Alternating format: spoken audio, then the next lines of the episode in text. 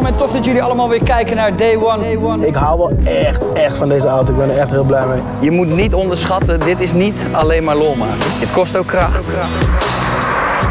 Ik heb hem nog nooit zo hard op zijn staart getrapt, zo op mijn banden.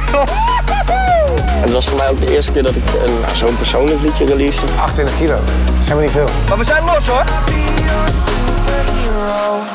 Je trekt wel je vu- vullingen eruit als je er niet oppast met dit spul. We zitten Red Band te eten. Oh, heb jij eigenlijk een sponsor gevonden of niet? Nooit.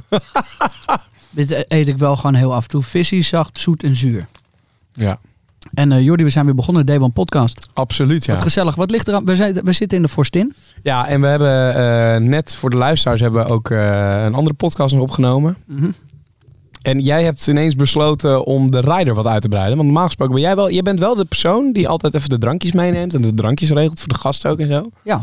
En ik weet niet wat er met je aan de hand is deze week. Want de vorige keer nam je al een Milka-reep mee. Mhm.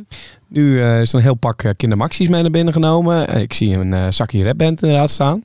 Red Bull Light, Wel Red Bull banaantjes, Light, verse water. En eigenlijk is het heel treurig, want onze gasten drinken water en wij beunen de rest op. Ja. dus er ligt nog één kindermaxie in die verpakking. En de Ja. rest hebben wij allemaal weg zitten werken. Ik moet eerlijk toegeven, ehm, ik zei dat er nog één in zat, maar die, Oh, hij zit er echt niet meer in. die heb ik ook eh, opgegeten. Domme. ja.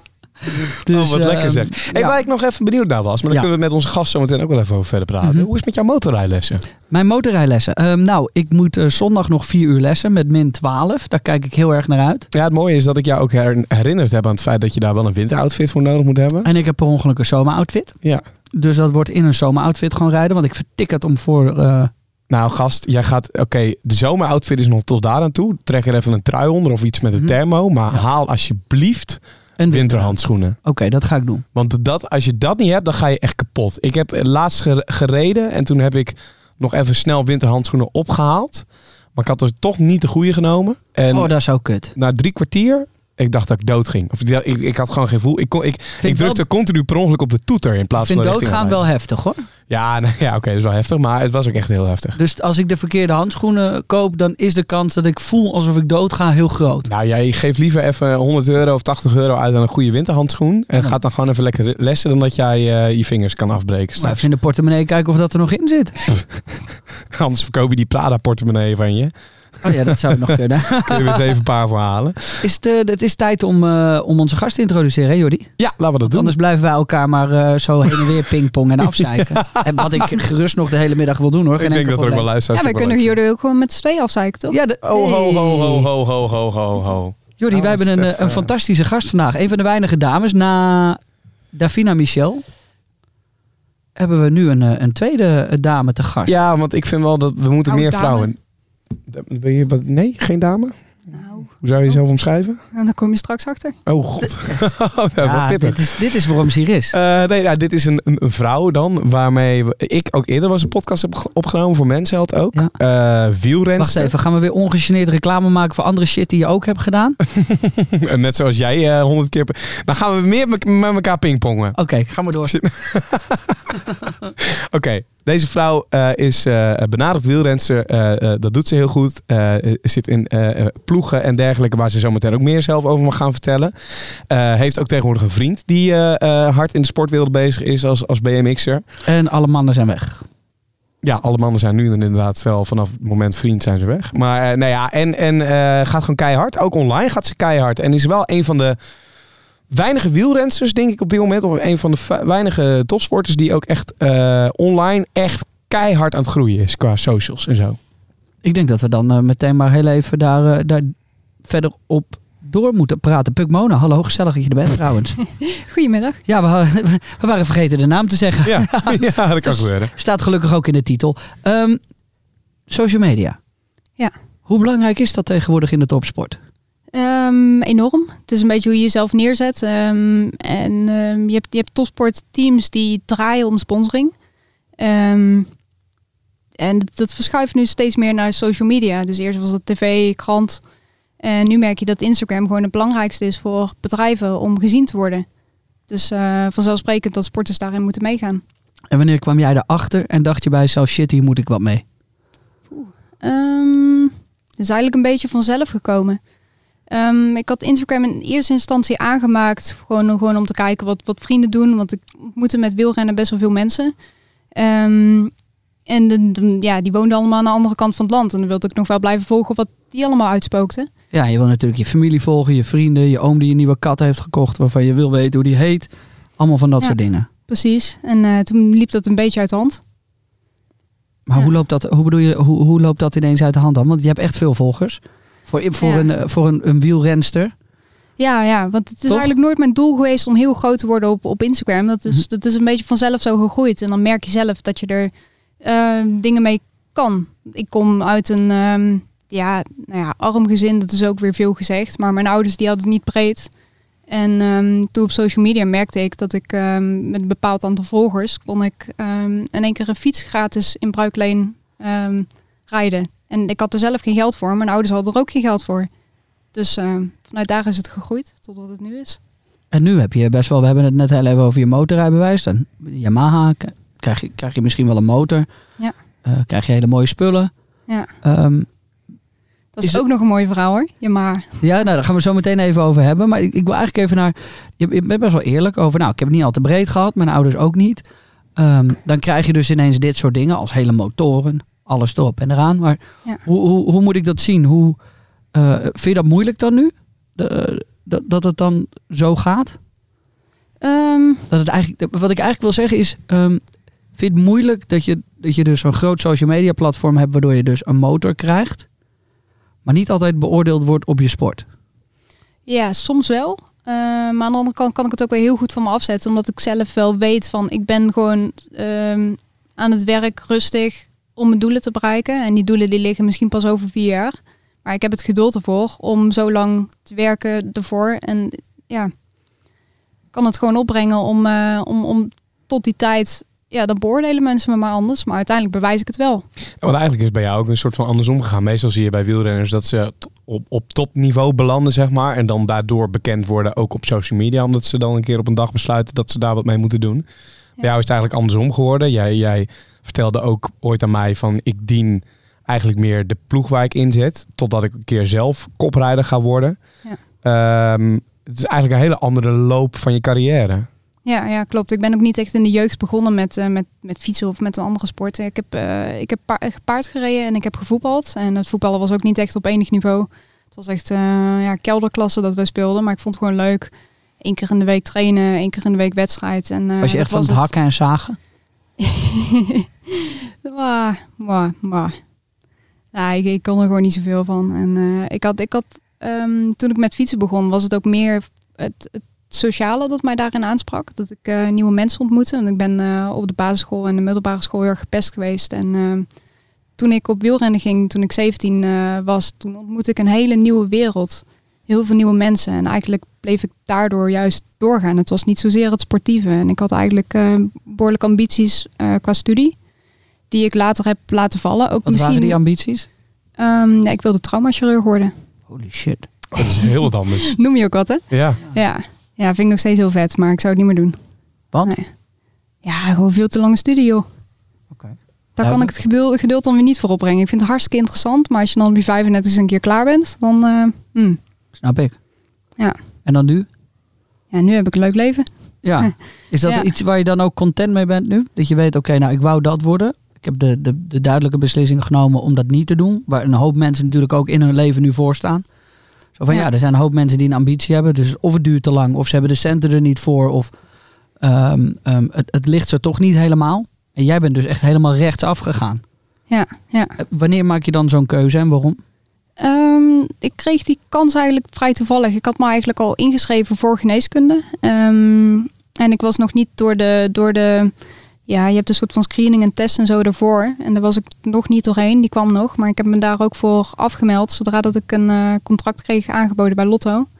Ehm, had ik ook niet helemaal verwacht dat ik daar een contract aangeboden kreeg. Want ik, fietste niet echt eh, goed of zo. Ik vond het gewoon leuk. Ik reed af en toe wat wedstrijden. Want ik had eindelijk een keer kon ik... eh, ik had mijn rijbewijs, dus ik kon eindelijk naar de wedstrijden toe met eh, mijn vaders auto.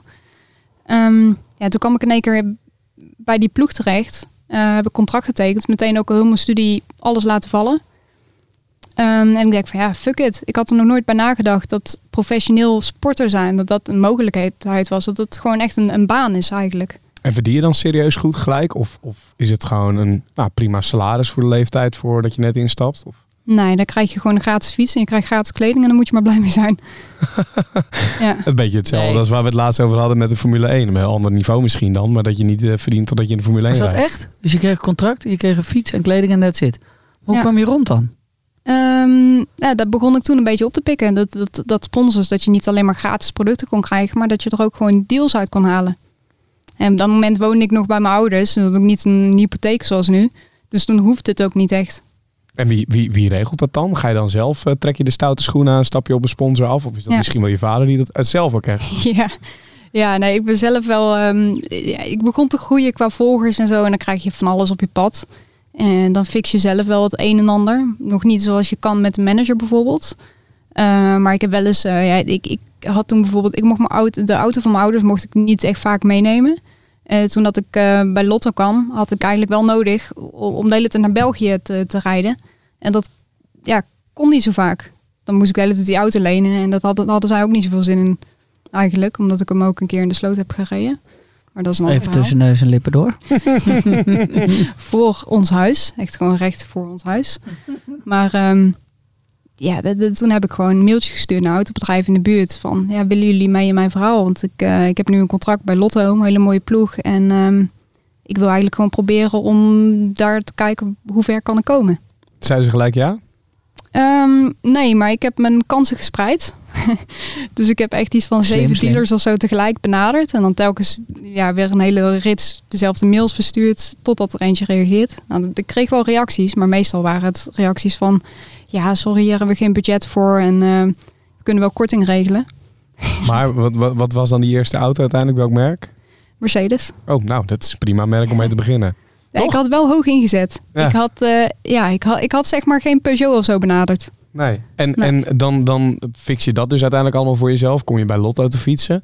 Maar vanaf welk moment eh, hebben je ouders ook zoiets van... Oké, Puk, eh, het is leuk wat je doet, maar het kost nu alleen maar geld. Wanneer gaat het dat opleveren? Ja, dat hadden ze wel de hele tijd. Ehm, ja, eigenlijk vanaf het begin af aan stonden ze er niet echt achter dat, dat ik eh, dit deed. Sowieso heel mijn familie heeft niks met sport. Die, ehm, Dat is altijd lekker ja, dus als topsportster. ja, vanaf thuis kreeg ik niet echt heel veel support. Mijn ouders hebben wel een keer gezegd van ja, zou je er niet mee stoppen? Want eh, volgens mij eh, lukt het niet zo goed. Toen was ik er net twee jaar mee bezig of zo en het ging ook inderdaad niet zo goed. Maar ehm, ja, voor mij, voor mij telde gewoon dat het leuk was. Ik vond het wel heel jammer dat ik dan vanuit thuis niet de support kreeg. Want met voetbal ook, eh, ja, die, eh, die zeiden van ja, fiets zelf maar naar de club toe. En ehm, ja, kijken bij de wedstrijden. Volgens mij zijn ze één keer geweest Mag ik je in de drie jaar dat ik heb gevoetbald. mag ik je wat vragen? Ja. Je hebt het niet makkelijk gehad, hè? nee, ik heb het niet makkelijk gehad. Nee, want als ik het zo even bekijk en even luister en allemaal een beetje probeer te analyseren op mijn manier naar je verhaal probeer te luisteren, wat ik heel interessant vind, haal ik er een paar dingen tussenuit. Dat is eentje dat je het niet breed had in de familie. Je wilt het zelf niet arm noemen, eh, Nee. maar het geld was er waarschijnlijk niet. Nee. Je bent gepest. Ja. En buiten het feit dat je dat dus allemaal hebt meegemaakt, het toch redt om in de topsport te belanden. Het nu goed voor elkaar, ben je dus heel ondernemend en heb je echt wel even de ballen gehad om het allemaal eh, goed voor jezelf te regelen. Dan lukt het. En dan krijg je eigenlijk van thuis ook niet echt support. Nee, ja, inmiddels is het wel is. anders. Nou ja, anders. Ja, ik weet niet. d- Er is nu corona geweest heel het jaar. Dus Mhm. eh, ze hebben ook niet echt de kans gehad om naar de wedstrijden te komen kijken. Maar nou, mijn vader vindt het inmiddels wel leuk. Mijn moeder kan er niet echt naar kijken omdat ze het zo gevaarlijk vindt. Ja, ze, vind- ze staan er nu wel een beetje achter. Mhm. Ze snappen er niet echt heel veel van. En ook dat, van het hele Instagram, dat je daarmee geld kunt verdienen, snappen ze ook niet echt. Maar ze zijn er wel een beetje wel gegroeid. En ik wil ook niet het verkeerde signaal afgegeven over mijn ouders. Want ze zijn echt Nee, nee, dat- is- waardevol geweest. Ze zijn heel lief. En ze hebben mij vooral heel veel bijgeleerd over normen, waarden, respect voor eh, andere mensen, voor dieren. Heel Nee, veel dat kennis over het heen wil, leven. Dat is niet waar ik heen wil. Ik nee, wil- nee, nee, nee, nee. Absoluut niet. Ik, ik, ehm, ik, ik probeer gewoon neer te zetten hoe, dat het voor jou, eh, Ja, dat, dat waar je nu bent, dat dat nee, is eigenlijk makkelijk geweest. nee, dat het heel knap is. En dat dat best wel, eh, denk ik, wat energie heeft gekost. En waar Ja. ik dan eigenlijk naartoe wil nu is, Hoe heb je dat verdomme voor elkaar gekregen? Ja, vraag ik mezelf af en toe ook al af. Het heeft eh, best wel veel, vaak tegengezeten in, eh, in, in het leven. Maar ik denk dat vooral dat, als je meemaakt bijvoorbeeld gepest worden. Ehm, ja, goed, ik zou het niet aanraden dat, om, om het nog een keer mee te maken of zo. Absoluut niet. Maar het heeft me wel een soort van bepaalde mentale weerbaarheid gegeven. Dat ik wel, ik heb natuurlijk zes jaar op school gezeten, VWO, zeven jaar uiteindelijk. Want ik ben ook blijven zitten ehm, door het pesten. Maar ik heb wel al die jaren vooruit kunnen kijken van ik heb dadelijk mijn diploma, nog even een paar jaar volhouden. En ik kom er wel en dan kan ik mijn eigen weg kiezen. Dus nog even volhouden. En zo kan ik dat nu ook met topsport. En ik vind, dat, Focus. ik vind Ja. dat wel extra bijzonder, omdat nou, normaal gesproken zie je dat heel vaak bij mensen die vanaf kinds af aan al een, een doel voor ogen hebben, een droom hebben. Al is het bij mij de radio of media geweest, is het bij JJ dus wel topsport geweest, al vanaf begin af aan. Mhm. Maar jij kwam er eigenlijk op een gegeven moment achter, oké, ik vind wielrennen wel leuk. Maar is het dan een gevoel dat je ineens denkt van, oh, ik ben hier goed in, dus dit moet, dit moet het gaan worden? Of groeit dat gewoon uit, uit het niets, dat je je daar aan vastklampt en dan daarvoor gaat? Het is wel een beetje zo gegroeid. Het was zeker niet vanaf het begin. Want vanaf het begin dacht ik eigenlijk ook zo van... Oh, ik ben er toch niet zo goed in als dat ik dacht. Ik fiets elke dag naar school, 12 kilometer heen, 12 kilometer terug. En ehm, het lukte nog niet als ik een wedstrijd reed. Ehm, maar op een gegeven moment is wel een keer de klik gekomen dat ik dacht van... Wow, hier heb ik wel serieus aanleg voor. En dan vooral technisch met de fiets rijden. Dus bochten heel hard sturen, dat, kan ik beter dan meiden die vanaf een vierde op de fiets zitten. Dus, eh, en dan denk ik wel van, ah, er zit toch wel wat in. En ook hoe, hoe grote stappen dat ik maak. Want iedereen fietst al vanaf de jeugd. En eh, ik ben vanaf mijn zeventiende begonnen. En ik ben ook pas serieus begonnen vanaf mijn twintigste. Maar hoe moeilijk is het om 21 jezelf... ongeveer. Sorry dat ik je onderbreek, maar hoe mo- moeilijk is het voor jezelf om dat soort dingen te accepteren en je ervan te overtuigen als je lang gepest bent? Dan is de twijfel met alles wat je doet toch? En dat ervaar ik ook uit de topsport, dat twijfel is iets wat... Ja. dat, dat, dat, ik zeg niet dat het niet mag, maar het, is, het kan heel dodelijk zijn voor je carrière Ja. en wie je bent. Hoe Ja. heb je het dan toch zover kunnen krijgen dat je bent zwaar gepest? Je hebt dus uiteindelijk wel die focus weten te vinden om het af te maken. Waar haal je dan de kracht vandaan om dat niet door te la- laten sijpelen in je, in, in je, in je sportcarrière? Ja, ik denk een beetje het mensen rondje. Ehm, ja, ik ben natuurlijk ook, ik heb, ben twee keer naar een eh, psycholoog geweest ook. Mhm. Ehm dat heeft mij toen niet heel veel eh, gebracht. Maar ik merk nu dat, dat, nu dat eh, topsport, ja, ik train gewoon meer. En het wordt mentaal ook gewoon zwaarder. Want je bent echt moe. En dan moet je toch op die fiets stappen. En je hebt een heel jaar niks. En je hebt teleurstellingen waar je mee om, om moet gaan. Dat ik nu toch wel denk van, ik moet het nog een kans geven. Misschien dat ik met deze psycholoog wel een klik heb. Dus dat ga ik binnenkort weer proberen. Want eh, ja, je moet, mentaal moet je jezelf ook fit, fit houden. Net als dat je je lichaam fit houdt. Ehm, Ik heb er wel ook- een voor je. Ja? Ja. Wie dan? Oprecht. Ja, ik zal de naam niet noemen, maar ik kom er net vandaan. En dat heeft mij ook verschrikkelijk goed geholpen.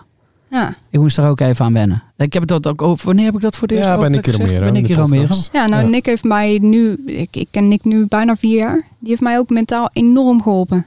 Dat, eh, dat wel. We zijn dus echt wel heel goed bevriend. En, en, wat, en zonder te veel de detail erin te gaan, want het blijft uiteindelijk iets heel erg persoonlijks natuurlijk. Maar, maar wat zijn dan van die dingen waarvan je nu kan zeggen, ja, dat heeft me heel erg geholpen? Door, door meer dat te doen of meer... Ehm, ik denk op zich ook de, de sport zelf. Want ehm, wielrennen is wel een sport die je vaak alleen doet. Ehm, en je gaat wel een paar uur erop uit op de fiets.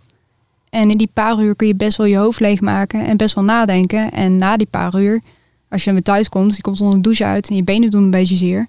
Dat is wel weer echt een heel lekker gevoel. Ja, Plus je hoofd is leeg. Ja. En, en is dat dan jouw meditatie?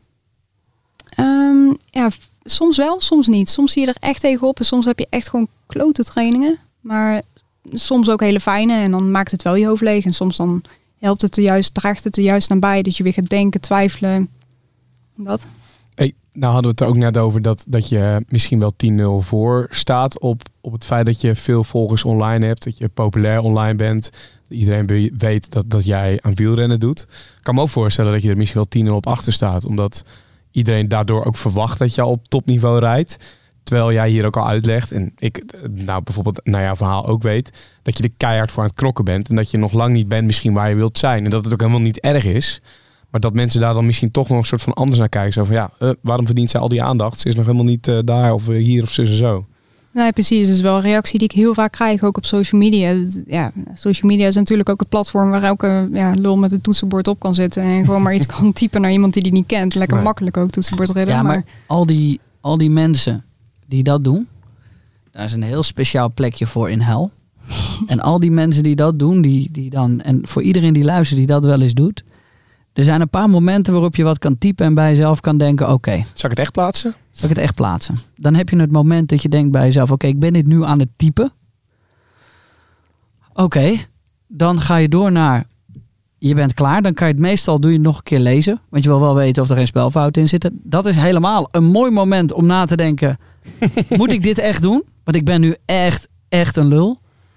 En daarna kan je op enter drukken en heb je het verzonden. En dan heb je het dus verzonden en dan staat het er. En zelfs dan, Ja. dan kan je dus nog, als je wil, teruggaan naar je comment. En dan kan je klikken op verwijderen. En dan is het nog steeds allemaal hartstikke goed. Mocht je het dan toch laten staan,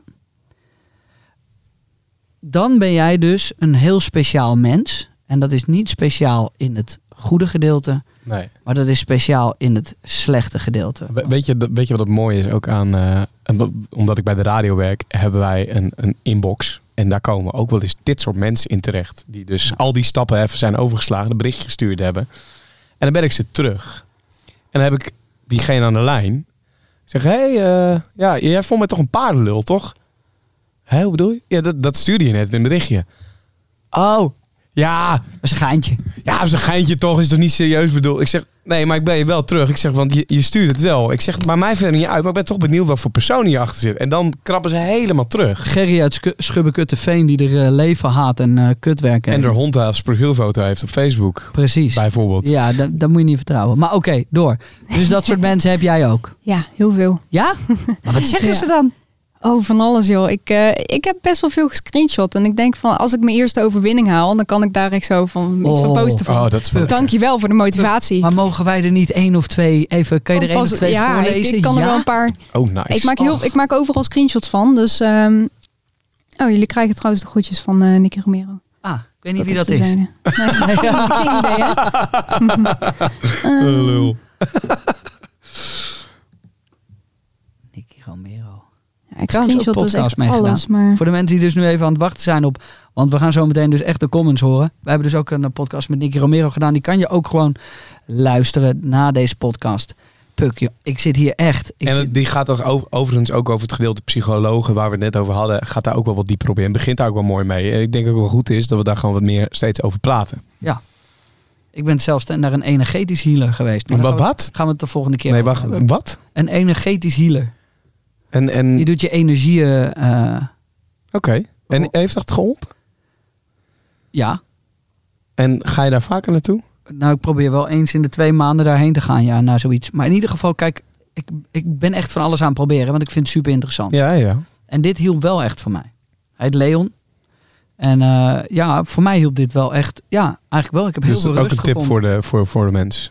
Ik denk dat je gewoon lekker jezelf open moet gooien voor van alles en nog wat. Als het En- maar jezelf beter laat voelen. Douche jij ook nog steeds koud? Waar je Ja. mee dat, dat, dat hou je nog iedere dag vol? Ja, en ik ben nog steeds eh, een eh, ochtendritme aan het creëren. Waar ik de ene keer wat meer moeite mee heb dan met de andere keer. Eh, dus ik sta vroeg op. Eigenlijk doe ik dan bekijken wat ik die dag qua werk zou willen doen.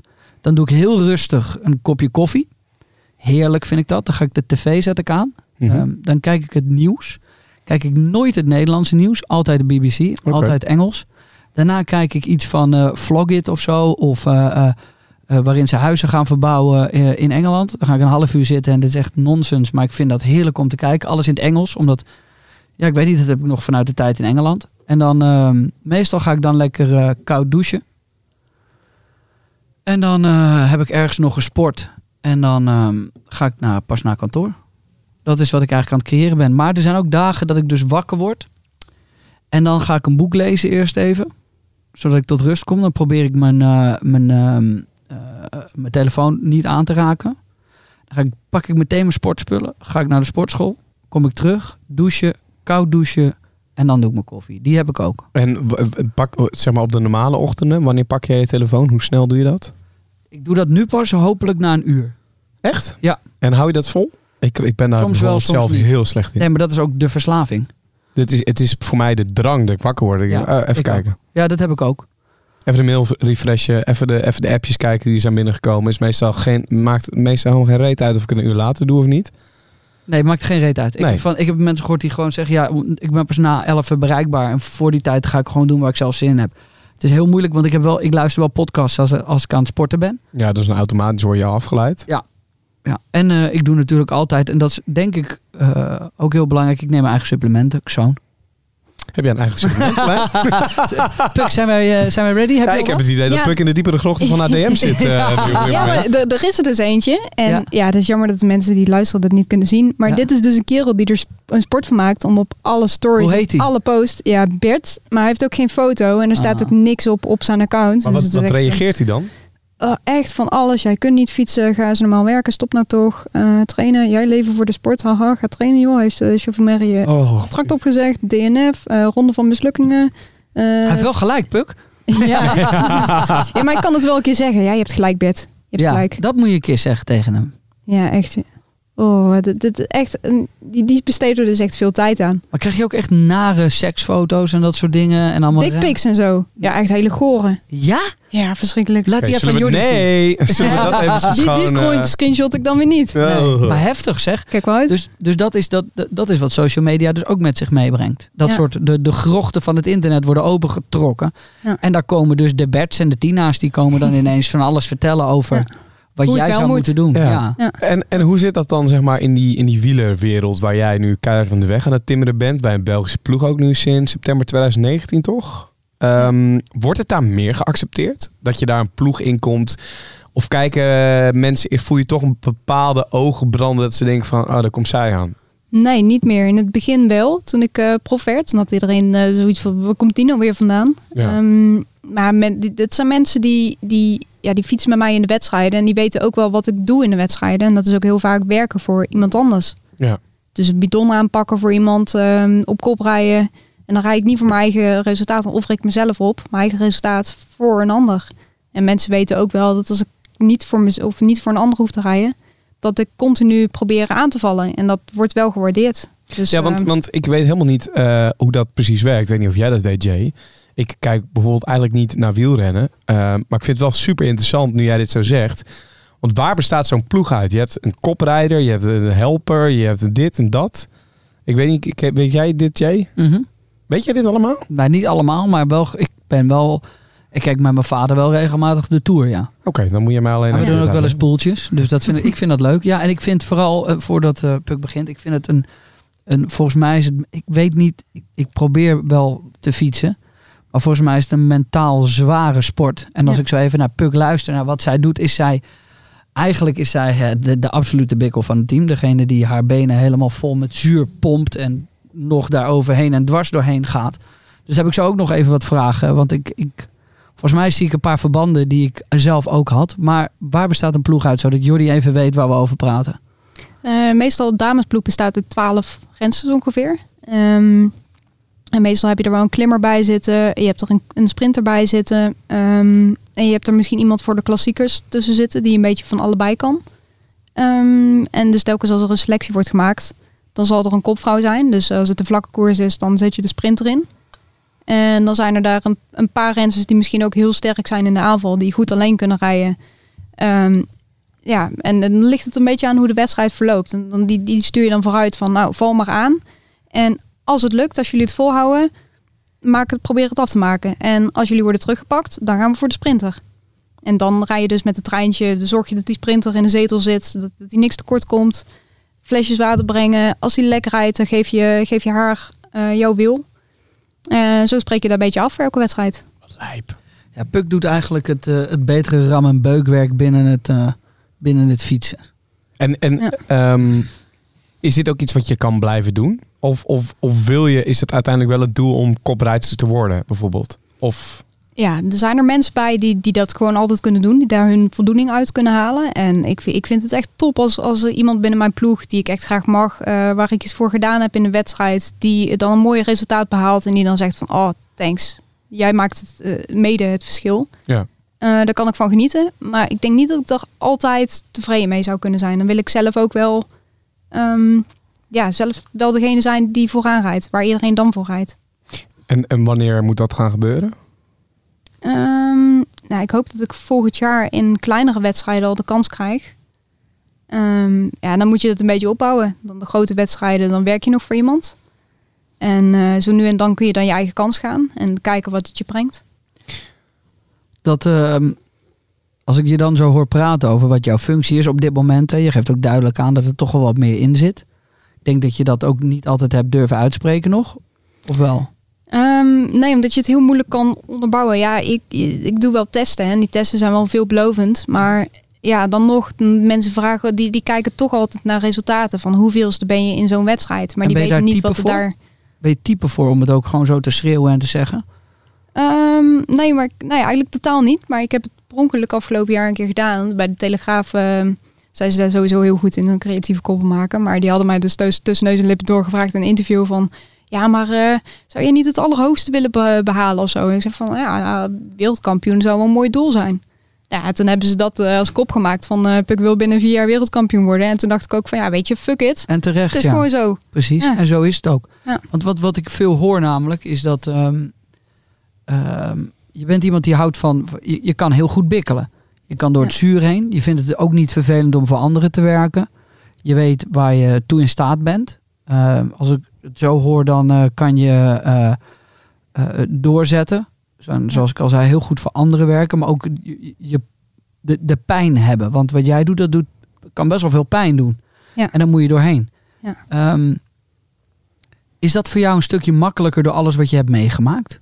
Om Ja. door dat zuur heen te gaan en door die. Door die want dat is, dat, dat is wat ik eigenlijk probeer uit te leggen en, en probeer te voelen. Is ik heb rugby sevens gespeeld. Dat is heel veel rennen en opstaan, zeven minuten lang sprinten, weer go, go, go.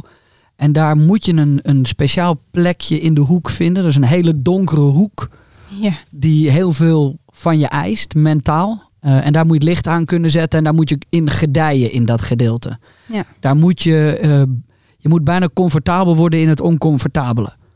Ja. Maar Ja. dat, dat word je niet zomaar. Daar zit best wel wat, eh, wat, wat achter voordat je, dat, voordat je daar kan zijn. ja, het is vooral mentaal, ja. Ja, en vind jij dat makkelijker om daar te zijn door alles wat je hebt meegemaakt? Dat is wat ik eigenlijk wil vragen. Ehm, ik denk het wel. Ehm, maar we zijn er met testen en zo. Zijn we er natuurlijk ook gewoon achter gekomen dat, eh, dat ik eh, van nature ook best wel goed ben in. ehm, Lactaat. ja. ja, want de meeste mensen die kunnen dan een, een aantal minuten.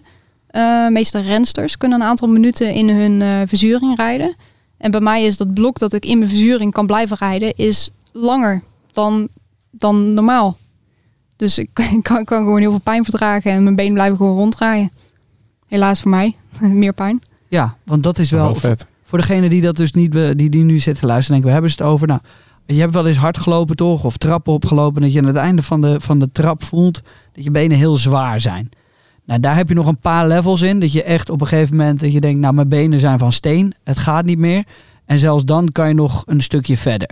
En op een gegeven moment verzuren ze zoveel dat ze gewoon echt niet meer vooruit komen. Ja. En vooral bij jullie is dat echt heel, heel heftig. En, maar daar, daar train je op. Dus je gaat steeds meer dat lactaat in, zoals ze dat noemen. Je gaat steeds meer verzuren. Ja. En daar ben jij dus eigenlijk heel goed in. Ja. Denk je dat je dat van nature hebt? Of, of is dat iets wat je misschien dus we- weer wederom mentaal gekweekt hebt, waardoor het op die manier zo nu is? Eh, daar heb ik wel van nature. Ik heb het mentaal ook wel gekweekt, dat ik het ook mentaal aan kan. Want niet iedereen kan het aan om zo lang zoveel pijn te hebben in zijn benen. Ehm, maar dat, dat ik zo'n lang blok verzuring kan, eh, aan kan, zonder dat mijn benen volledig verkrampen, dat is ook wel iets wat van nature erin zit. En, en ehm, hoe voelt dat? Zo diep gaan en zo, eh, zo die verzuring in. Ja, dan ga Hoe je zou je dat omschrijven? een soort van zone of zo. Dan raak je gewoon echt in de zone. En het, het- het- ja, dan moet je jezelf proberen een beetje af te leiden van, van de pijn. En het schiet van alles door je hoofd. En het is vooral een beetje donker. En je denkt alleen maar aan een bepaald ritme dat je vol aan het houden bent. En elke trap doet zeer, maar toch zit je in dat ritme. En vaak helpt muziek er, ook bij. Dit, als je dit zo hoort, dan zou je ook kunnen denken dat het gaat over zes ecstasy-pillen wegklappen op zaterdagochtend om zes uur ergens op een festival. Dat, is, eh, ja. Dat een goede vergelijking. Ja, Dat, dat zou kunnen. Ik weet niet hoe dat gaat, Jordi. Maar eh, Ja, nee. niet, een maar- donker hok en een ritme, ja. Ja, ja, het is wel zo. de muziek ja. helpt ook af en toe een beetje ja. het is wel, het is, ik vind dat heel interessant, omdat ik heb dat natuurlijk zelf ook gevoeld.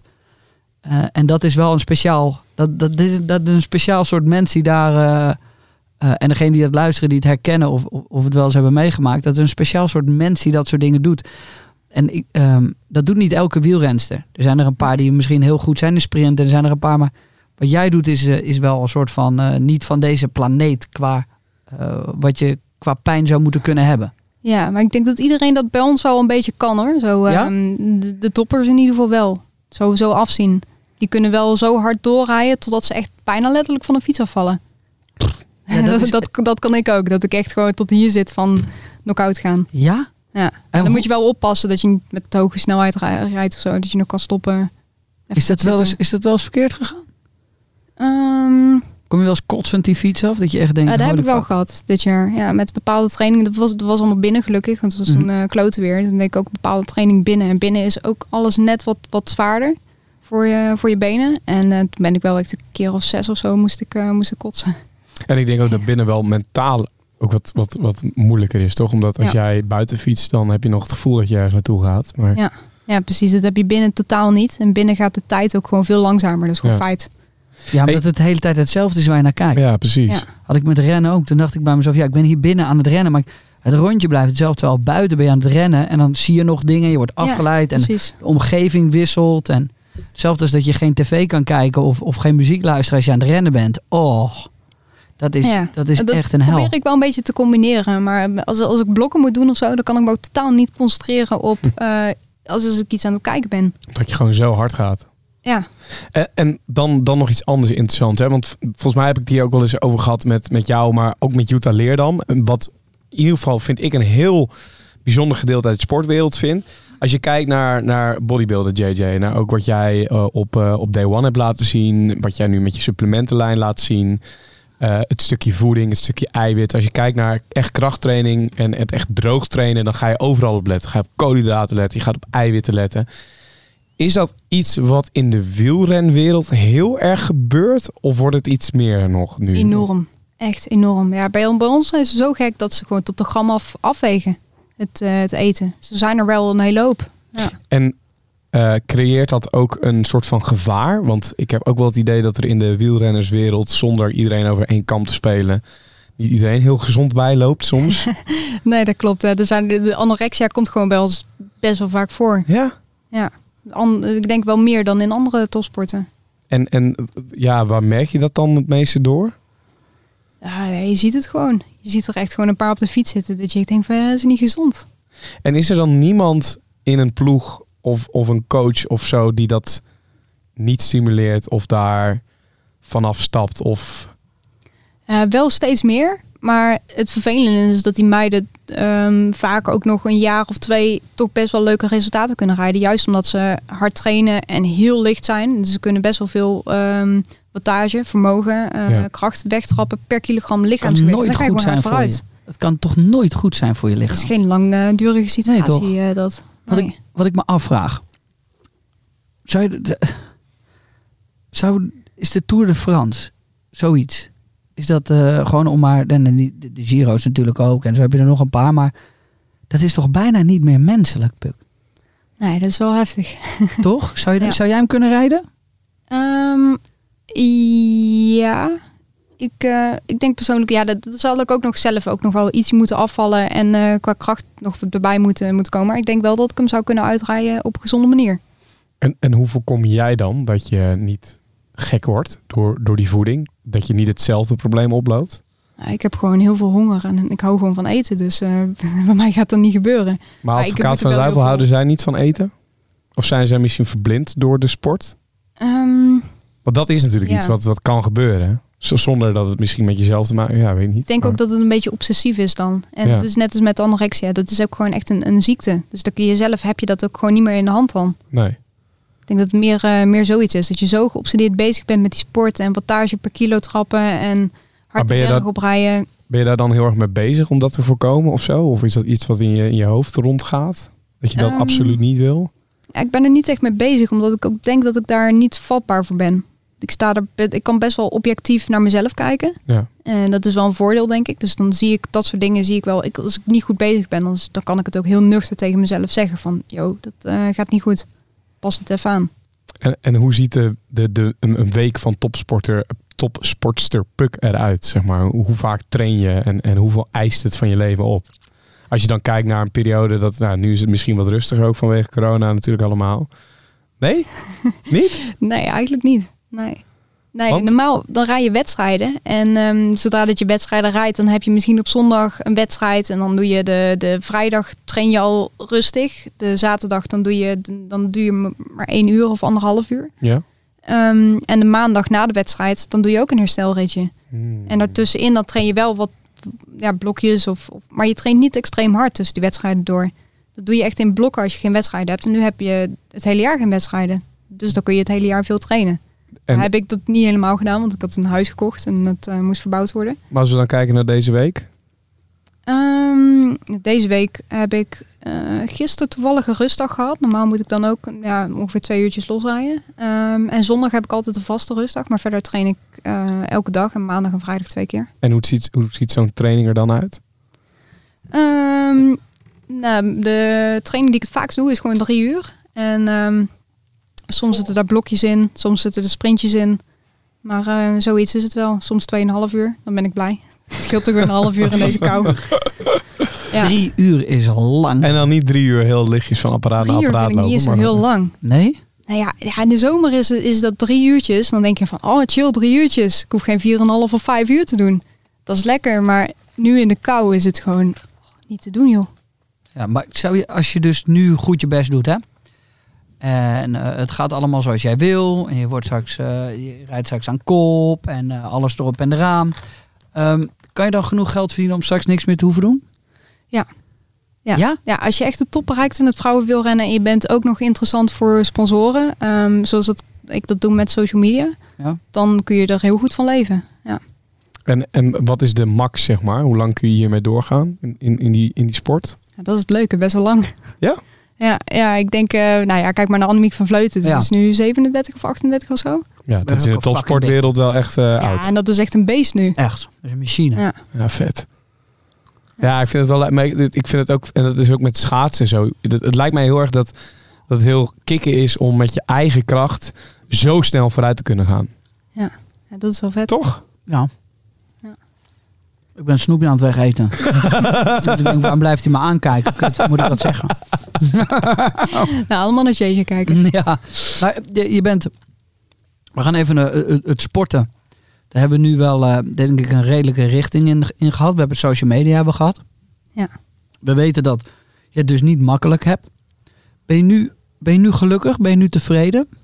Ja, ik heb eh, afgelopen jaar, ik, ja, ik heb natuurlijk mijn eigen huis gekocht. Ja. En daar ben ik ontzettend gelukkig van geworden om mijn eigen plekje te hebben, alles naar mijn zin te doen en zo. En mijn ouders Ja, was dat iets wat heel maar- belangrijk was?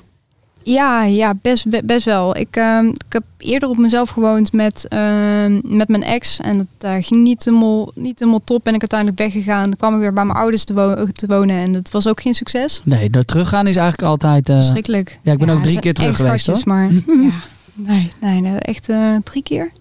Ja, want ik, eh, ja, ja, ik deed topsport in, in, in het buitenland twee keer. En ja, dan kom je terug en dan ga je niet even snel wat huren, want je moet snel weer weg. En Ja. weer even een paar maanden thuis. En op een gegeven moment heb ik zelfs nog een half jaar even bij mijn ouders gewoond. Het is wel echt 15 jaar geleden, denk ik, of zo. Maar ja, ik woonde al vanaf mijn 17 op mezelf. Dus Ja, dat is best vroeg. ja, ik moest wel. was gewoon topsport. Maar nu heb je dus je eigen huis. Eh, Ja. Fijne vriend. Ja, ook- Jullie wonen samen? Ja, nu wel. Ook in de topsport. Ja, Ja, wat doet hij? BMX, toch? BMX. Ja, nou, ik had eigenlijk gezegd, eh na mijn ex had ik eigenlijk gezegd, want die, die was ook topsporter. En eh, dat, dat ging niet heel goed samen, want die was best wel egoïstisch en die wilde dat alles om hem draaide. En eh, ik had eigenlijk een beetje de les uitgetrokken van, nou ja, topsport eh, daar gaan we niet meer aan beginnen. Daar komt er niet meer in. Ja, En dus toch. En waar ging dat fout? ik vraag het me ook af. Nou ja, de, beste die, die, komen, die komen er als je er niet naar zoekt. Ja. Dus en hoe is, moment- dit, hoe is dit ontstaan? Eh, via Helden Magazine eigenlijk. Ik eh, werd geïnterviewd door hun. Ehm, ik stond in nummer 47, denk ik. En in 48 stond eh Twan, mijn vriend. Ja. Ehm, en ik had die nog niet gelezen, omdat ik toen net aan- bezig was met de aankoop van mijn huis. Ehm, en toen kwam ik hem tegen via Instagram dan weer, omdat hij eh, een of andere heftige blessure had opgelopen. Eh, toen hadden ze een stukje van zijn interview geplaatst op, ehm, ja, op, de Instagram pagina van Helden.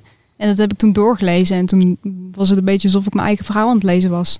Dat je, die, ging toen weg bij een team eh, waar die niet op zijn plek zat. Ehm, ja, relatie was uitgegaan, terug bij de ouders gaan wonen. Dan toch een huis gekocht. Nou ja, dat maakte ik toen ook mee. Dus ehm, ja, toen ging ik hem volgen. En dat ging natuurlijk niet onopgemerkt bij zijn teamgenoten vooral. Die zeiden van, oh joh, die volg jou. Slide even in die DM. Nou, ja, heeft hij gedaan. En eh, de rest is geschiedenis. Ehm, Wat, wacht heel even, wat zei die? Eh, die DM ook nog even zien. Nee, nee, ja, hoe doen we dit? Ja. Ik, ik kan hier ook van leren natuurlijk. Precies. Ja, je moet eh, gewoon een, een grappige opmerking geven op eh, ergens op inspelen. Ja. Dus, en wat, zei- eh, wat deed hij dan? Wat zei hij? Hij had een ongelukje gehad dus in de gym, waardoor hij eh heftige blessure had opgelopen aan zijn hand. Ehm, en toen had, zat ik in de, in de gym. En toen zei hij dat ik moest oppassen met, met de gewichten. Oh, Toen heb ik daar ook wel weer iets kuts op geantwoord. Plot twist. Hij was die guy die, eh, die al die negatieve shit stuurde. Die ze Ja, net Bert. Bert. Bert. Ja. Is hij nog steeds? Maar wat, wat ik ook trouwens een fucking mooi iets vind, wat ik ergens gehoord heb, dat, dat eh, Twan, jouw vriend, eh, he- klopt het dat hij een hele BMX-baan in zijn achtertuin heeft nagebouwd? Ja, ja de, de, de spreekwoordelijke achtertuin. In zijn spreekwoordelijk, nou in ieder geval een BMX-baan heeft na, want hij gaat, hij wil, gaat dus naar die Tokyo Olympische Spelen ook. Ja. En eh, daar hebben ze een baan en die heeft hij dus nagebouwd. Ja, ja eigenlijk eh, omdat ze in Papendal hebben ze die baan geprobeerd om na te bouwen. En hij klopt qua afmetingen niet helemaal. En het is wel een mooie baan geworden, maar hij klopt gewoon net niet. En ehm Ton die wil proberen om die baan op een andere manier te nemen, die, eh, waarvan hij denkt dat is sneller. Zo is hij ook wereldkampioen geworden. Door iets anders te doen dan anderen. En daar gewoon zoveel mee te oefenen, want dat was iets wat heel veel risico met zich meebracht. Dat gewoon eindeloos te oefenen tot hij het kon. En daarmee heeft hij dus de voorsprong gepakt. En dat wilde hij dan in Tokio weer proberen. Maar ja, dan moet je wel exact zo kunnen trainen zoals hij in Tokio erbij ligt. Dat is toch sick. Ja. Ik vind dat Want kijk, wat er heel vaak over topsport wordt gezegd, is dat je sociale leven komt op een tweede, maar misschien wel op een derde of op een vierde plek te staan. En dan ineens heb je dus twee topsportmensen die met elkaar een relatie aangaan. Ja, stop. We hebben allebei geen sociaal leven. Nee, maar, ja, maar hoe werkt dat inderdaad? Want, want heb je dan ja, alleen maar tijd eigenlijk voor elkaar en voor de rest niet? Of, of is dat überhaupt doen, te doen? Ehm, nou ja, dit jaar was, was niet echt een goede referentie, denk ik. Omdat normaal, dan ben je de hele tijd in het buitenland. eh, je rijdt wedstrijden en je ziet elkaar tussendoor waarschijnlijk niet heel veel. Ehm, dat, en nu zaten we gewoon constant op elkaars lip. Want in één keer werd alles afgesloten en eh, je kon geen kant meer op. En toen zaten we met elkaar opgescheept. En dat ging eigenlijk best wel goed. Ja, Maar dan kun je normaal zo meteen ook weer eh, gesproken- drie jaar zonder elkaar. Ja, ja precies. Even genoeg gehad. Nee, maar ja, ehm, normaal zag hij zijn vrienden ook niet veel. En ehm, Nu helemaal niet meer. Nee, nee, nu is het wel even, even flink wat minder. Maar vlak voordat het allemaal begon, eh, toen had, zat hij natuurlijk met die hand die eh, kapot was. Eh, toen zat hij sowieso Wat in had hij aan Nederland. zijn hand precies? Eh, schippersbordje uit de kom. En dat klinkt allemaal niet zo erg. Maar op de enige manier waarop je die uit de kom kan krijgen is om alle banden af te scheuren. Ja. En dan staat alles een beetje door elkaar. En dan had hij ook nog wel een bordje gebroken. Maar ja, botten breken is minder erg dan pezen scheuren. ja, en het is een middenbordje, toch? Het is een Ja. eh, eentje die... ja, eh, ergens zo in het midden bij je duim of zo. Maar die stond toen aan de andere precies. kant. Ja, je hebt heel Ja. veel bordjes in Die hebben je- ze even moeten reconstrueren met Ja. van die pinnen er doorheen. En eh, ook. ja. Ja. Sorry, jij gaat kotsen als je hard getraind hebt, maar ik kan dit soort shit nooit aanhoren. Je hebt dus gewoon heel veel bordjes in je pols. Ja, ik, En daar kan je, als je Ja, er al ja. één of kun je er heel veel van breken. Ja, daar heb ik deze van. Daarom kan ik mijn pols niet meer bewegen. Ah, dat kan Twan ook niet meer. Die kan zo, Ik ook. zo een beetje. Ja, dus voor de Ah, mensen ja. die nu aan het luisteren zijn, ik kan mijn pols dus niet meer in push als je een push-up houding, Nee, dat kan, kan, ik hem niet meer zo eh, eh, scheef houden. Daarom doe ik push-ups op mijn knokkels. Ja, dat Omdat ook. ik, eh, bij mij hebben ze hier eh, van alles verwijderd uit het midden in mijn pols. Het scafoïd heet dat. Dus na het rugbier heb ik eh, zes maanden lang met een gebroken pols gespeeld zonder dat ik het in de gaten had. ik heb eh, geen blessures om mee op te scheppen, helaas. Nou, behalve je uiterlijk. hoor. Er staat plastische chirurgie voor. Ja. Maakt niet uit, Jordi. Komt allemaal goed, maatje. Tegenwoordig kunnen ze er heel veel mee. Zoals met jou. Nou, dat weet ik niet hoor. Ja, was dit het? Ja, Nee, was, dit- dit het? was dit klaar? Dit, het is klaar, het is klaar. Ik denk leuk, ik nodig Puk Moon een keer uit. Ja. Maar eh, Puk, even voordat we gaan afsluiten. Eh, want ik kan met jou uren praten, want ik vind het super interessant. Waarschijnlijk kunnen wij nog veel uren doorpraten. Want eh, ik, volgens mij ben jij ook een autofanaat, hè? Ook ja. Ja, jij ook hè? En Jordi nog meer hoor. eh, ik wou net zeggen, een hotelkamer anders. eh, ja, ja, get a die, room. die- die- ik bedoel, Jordi nog ja, meer. nee, ja, zeker 100%. Maar jij rijdt nu in, eh, in een Mercedes. Nou, is je sponsor ook gelijk blij. Ja, Maar een wat- mooie CLA shooting break. Ja, Echt? wat wel echt een hele dikke wagen is trouwens. Een welk, welk rode, jaar? toch? Ja. Welk jaar? Eh, dit jaar. Echt 2020, die is super dik. Ja, die is super dik, ja. En wel, hoe, ja, hoe heet je sponsor? AMG Line en zo. Dus echt alles zwart. De, Ja, geblindeerd. eh panorama dakje, AMG velgen. Echt top. En hoe heet je sponsor? Lauwman. Lauwman. Mercedes-Benz. Ja. Lauwman Mercedes-Benz. Dank jullie wel dat jullie Puk die auto eh, hebben Ja. En we hebben nog geen prachtig. Day One podcast auto, dus wat dat betreft.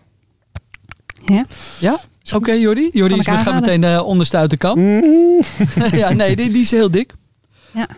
Wat is dan, wat is dan je droomauto? Oeh, dat is een hele, hele lastige. Ehm, moet die straatlegaal zijn?